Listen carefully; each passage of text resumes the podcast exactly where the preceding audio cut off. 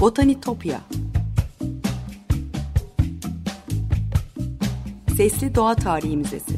Bitkiler aleminin tuhaf ve muhteşem dünyasını belgeleyen botanik sanatına dair her şey.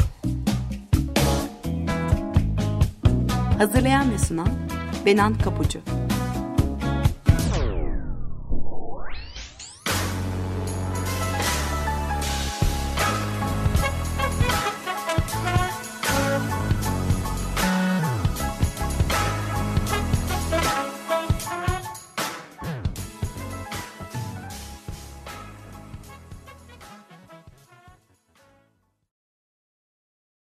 Merhaba sevgili Açık Radyo dinleyicileri.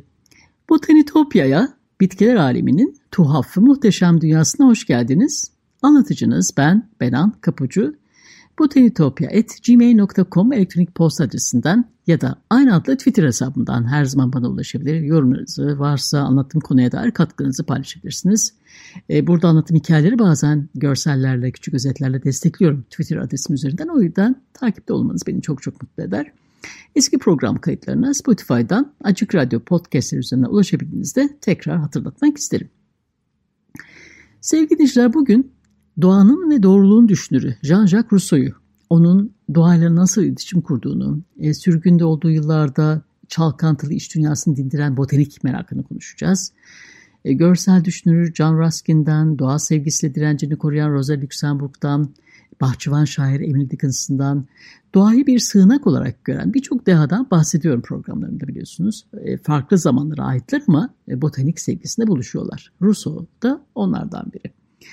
Romantizmin fikir babası sayılır Rousseau. 18. yüzyılda onun eserleri ve özellikle itirafları bir entelektüel hareket olarak bütün Avrupa'ya yayılmış, ondan sonra gelecek kuşakları da etkilemişti. Rousseau'ya göre aklında romantik bir tarafı vardı. Hangi durumda olursak olalım bizi sürekli mutsuz eden kendini beğenmişliktir. O susup da aklımız konuştuğunda kaçırmamız mümkün olmayan tüm mutsuzlukların tesellisini buluruz diyordu. Yalnız Gezer'in Düşleri adlı öz yaşama yüksel yapıtında. E, akıl çağında doğaya hükmeden kendini beğenmiş insan tipinin eleştirisidir bu kitabı. E, Türkçesi İpek Orter Montanari çevirisi ve ön sözüyle İthaki yayınlarından çıkmış. Sık sık alıntı yapacağım bu kitaptan. Damon Young da Bahçede Felsefe kitabında Rousseau'dan ve onun botanik itiraflarından bahsediyor. Esra Birkan çevirisiyle can yayınından çıkmış. E, buradan da alıntılarım olacak. E, ömrünün son yıllarında e, doğa içindeki gezintilerini anlatırken aklına üşüşen sorulara da yanıt aradı. Yalnız gezerin düşlerinde. O sırada henüz basılmamış olan itiraflarına da sık sık göndermelerde bulunur. Olur da yayınlanırsa ve birileri itiraflarımı tarafsız gözle okursa bu itirafların işlemediğim için anlatmadığım birçok daha kötü suça göre daha aşağılayıcı ve kabullenmesinin daha zor olduğunu görecektir der. Romantik edebiyatın bu en güzel örneği itiraflar eserinde olduğu gibi kendini iyi ve kötü yönleriyle anlattığı yapıtlarından biri. Ne demişti itiraflarında? Kıyamet borusu çaldığında ben elimde bu kitapla yüce yargıcın huzuruna çıkacak ve şöyle haykıracağım. İşte yaptıklarım, işte düşündüklerim ve işte ne olduğum. Her şeyi bütün açıklığıyla dile getirdim. Yaptığım hiçbir kötülüğü gizlemediğim gibi yapmadığım bir iyiliği de söylemedim. Gerek rezil ve sefil, gerekse asil ve iyilik sever olduğum zamanları bütün içtenliğiyle gözlerine serdim. Ey ebedi varlık, iç yüzümü tıpkı senin bildiğin gibi dışa vurdum. Kullarını etrafıma topla da itiraflarımı dinlesinler. Topla ki kederlerim karşısında inleyip kefliklerim karşısında utansınlar. Ve hepsi birer birer tahtının dibine gelip kalplerindeki aynı içtenlik ve dürüstlükle itiraf etsinler. Sonra da içlerinden birisi cesaret edebilirse çıkıp ben bu adamdan daha iyiyim desin. E, Rousseau 1750 yılında e, Dijon Akademisi'nin açtığı yarışma için yazdığı Bilimler ve Sanatlar üzerine söylevinde ve 5 yıl sonra yazdığı Eşitsizlik üzerine söylevinde e, bilim ve sanatın insanların zincirlerini çiçeklerle örten ve kralların tahtlarını güçlendiren bir metaya dönüştüğünü savunuyor kötülüğün ilk kaynağının eşitsizlik olduğunu söylüyordu. Doğal durumunda özgür, kendine yeten ve baskıdan uzak yaşayan insanın özü gereği iyi olan doğasının toplum durumunda bozulduğunu savunuyordu. E, kendini sevme, ben sevgisine ve kibire dönüşmüş, insanlar olmak yerine görünmeyi yerlemiş, maskeli bir yaşam tüm topluma egemen olmuş ve acıma duygusu ya da vicdan yok olmaya başlamıştır ona göre. E, Fransız aydınlanmasının aykırı sesi Rousseau, yalnız gezerin düşlerinde iş dünyasına, geçmişine doğru bir yolculuğa çıkıyor. Tarihe kendi aklıyla yön veren burjuvazi eleştiriyor ve doğaya dönüş çağrısı yapıyordu. Yaşamının son yıllarında Paris çevrelerinden dışlandığı dönemde yazmıştır e, bu eserini. Üç yıl önce yayınlanmış olan Emilya'da Eğitim Üzerine adlı eseri hem Roma Katolik hem de Protestan kiliselerince kınanmış, sansürle karşılanmıştı. Suçu din yanışa ters düşen ilk günah ve vahiy inansızlık gibi fikirleri Katolik bir rahibin ağzından söyletmesi ve eseri kendi adına imzalatması, imzalamasıydı. E, kitapları yakılmış, ölüm tehdidiyle karşı karşıya kalmıştı. Hakkında tutuklama kararı çıkınca Fransa'dan İsviçre'deki Montier'e oradan da gecenin bir vakti evi taşınca da İsviçre'nin Bienne gölündeki bir ada olan Saint Pierre'e kaçmıştı. O keşmekeşten uzaklaşıp biraz kendi iş dünyasıyla yüzleşirken Saint Pierre adasının bitki çeşitliliğini incelemek gibi bir uğraş edilmişti. Uğraştan öte botanik onun için çok değer verdiği doğayı algılama, fark etme ve iyileştirme yöntemiydi. Doğa onu e, Paris çevresinden ve kendi iç huzursuzluğundan kurtarırken içindeki iyi de yeniden keşfetmesini sağlıyordu. Örneğin bir gezisinde mor renkli Prunella vulgaris çiçeğini gözlemlerken bu yara otunun e, polen kaplı erciğinin uzun ve çıtalı olduğunu fark edip bunu bir üreme e, belirtisi olduğunu anlamış ve bu keşfede kendi sözleriyle e, e onu mutluluğa boğmuştu. E, küçük adada saatler geçiriyor, çizimler yapıyor, notlar alıyor ve genellikle eve dönerken de yanında kesit alacağı, kurutacağı numuneler oluyordu. E, bitkilerin yapısı ve üremeleriyle ilgili titiz gözlemler yaparken bir yandan da e, adadaki bitki yaşamı üzerine bir inceleme olan Flora peninsularis üzerinde çalışıyordu. E, ampirik çalışmaların e, bitki bilimine katkısı olmamıştır gerçi. Daha önce e, tanımlanmış herhangi bir tür veya bir özellik bulamamış olsa da e, ardında ölümünden sonra yayınlanan e, botanik üzerine çok e, ilham verici yazılar bırakmış. E, asla bitiremediği bir botanik e, kullanım terimleri sözlüğü üzerine çalışmış. E, aralarında Carolus Linnaeus'un Fransa'nın önde gelen botanikçileri Antoine Guan ve Marc-Antoine Louis Claret de La Tourette gibi isimlerinin de olduğu birçok botanikçiyle yazışıyordu. E, Paris'teki Kraliyet Bahçesi Jardin du Roi'dan André Thun ile bitki topluyordu. E, Teofrastus ile başlayan tüm Latince botanik literatürünü de okumuştu e, Rousseau. En ünlü botanik eserisi bir arkadaşının küçük kızına botanik dersi olarak e, kurguladığı Botanik'in esasları üzerine mektuplar adlı e, eseriydi. Burada Madame Etienne de Lazare yazdığı bir mektubunda e, doğayı incelemenin insanı hangi yaşta olursa olsun üzerinde düşünmeye değer bir konuyla zihni doldurarak sağlıklı biçimde beslediğini söylüyordu. E, Rousseau bir mektubunu tamamen çiçeklere ayırmıştır bu eserinde. Mesela her gün gördüğümüz e, papatyanın ortasında incecik sarı taş yapraklarından oluşan bir disk, her bir taç yaprağında da dişilik ve erkeklik organları vardı diye yazar. Beyaz taç yaprakları aynı zamanda çiçeğini oluşturuyordu ve her birinde tek bir çatalı dişi organ vardı. Sıradan ve tek bir çiçek gibi görünen papatya aslında yüzlerce çiçekçikten oluşuyordu. Rousseau daha sonra hindiba, e, beyaz hindiba, enginar ve deve dikeni de inceleyerek gözden kaçan şaşırtıcı detayları ortaya koyuyordu.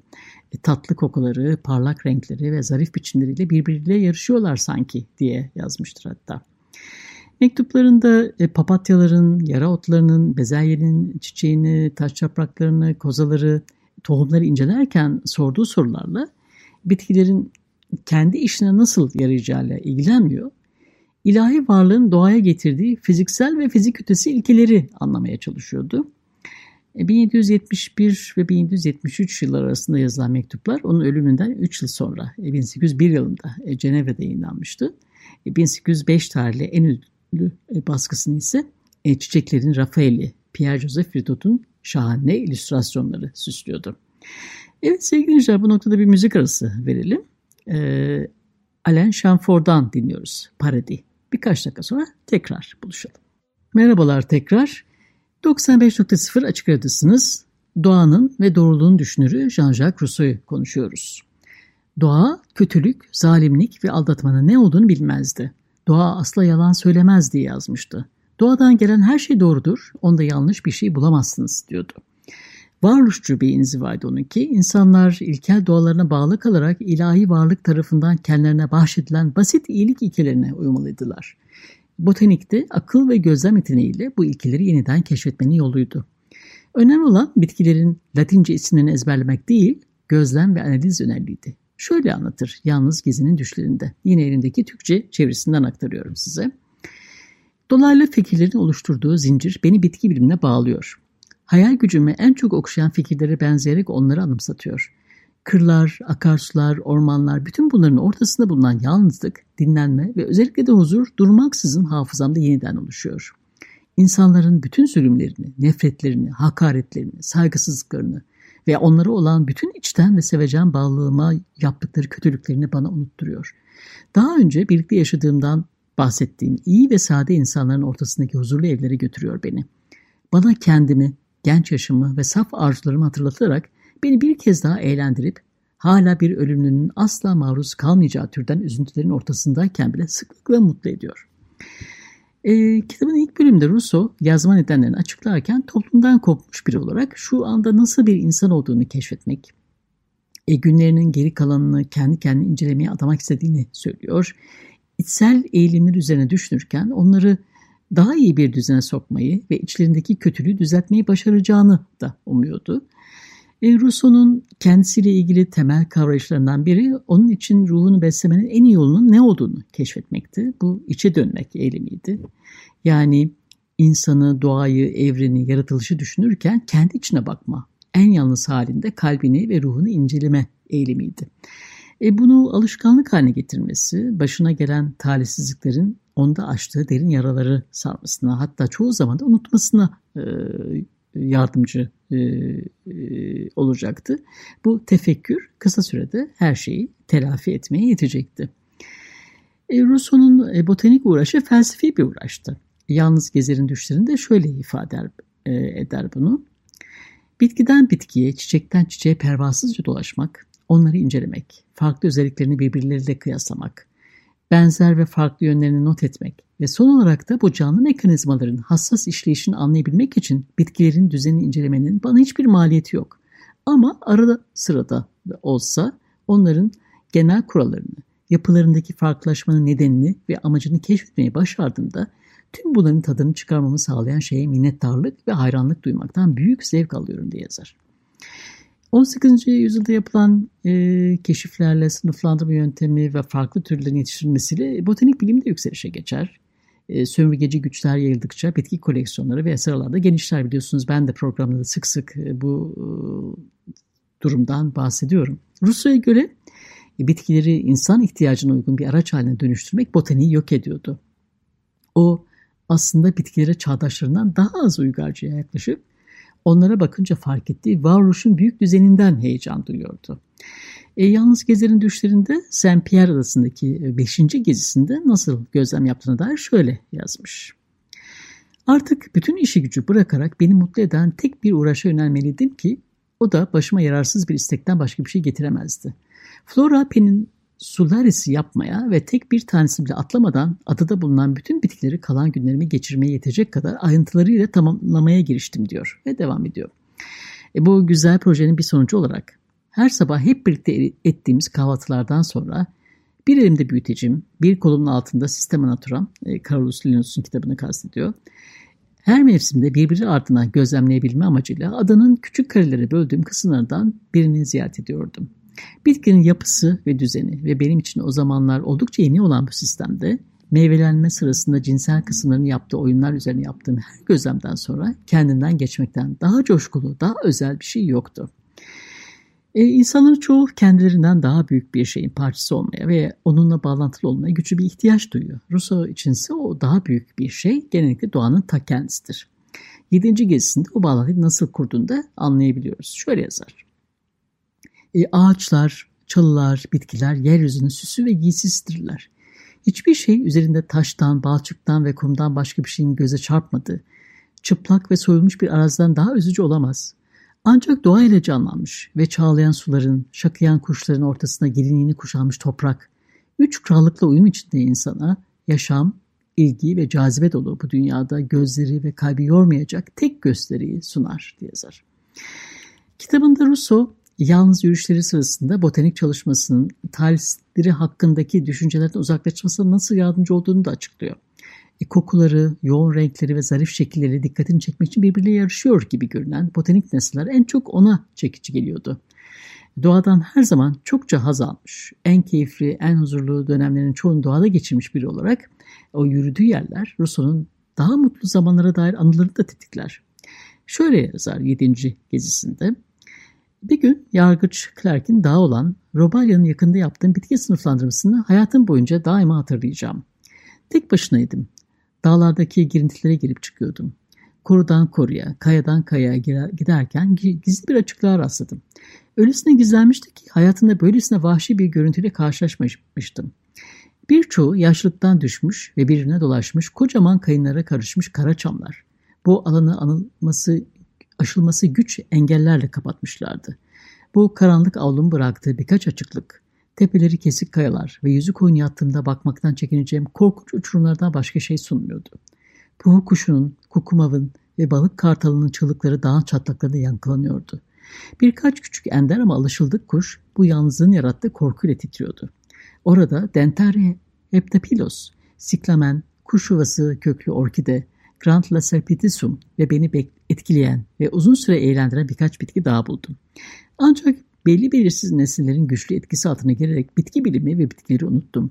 Hibrit otları ve karayosunlar üzerine oturdum ve orada bütün evrenden soyutlanmış, cellatlarımın beni çekip çıkarmadığı bir sığınakta olduğumu düşünerek mutluluğumu düşlemeye başladım. Çok geçmeden bu düşü bir gururlanma böldü. Kendimi şu ıssız adalarından birini keşfeden büyük gezginlerden biriyle karşılaştırıyordum ve nazikçe kendi kendime hiç şüphesiz buraya kadar girmeyi başaran ilk ölümü benimdir diyordum. Kendimi neredeyse başka bir kolomb gibi görüyordum. Evet sevgili dinleyiciler, Bototopya'daki yolcumuz bu hafta buraya kadar olsun. Jean-Jacques Rousseau'yu ve yaşamının son demlerindeyken sürgün yıllarında yazdığı Yalnız Gezer'in Düşleri eserini konuştuk. Program destekçilerime gönülden teşekkür ediyorum. Haftaya tekrar görüşünceye dek sevgiyle ve duayla kalın.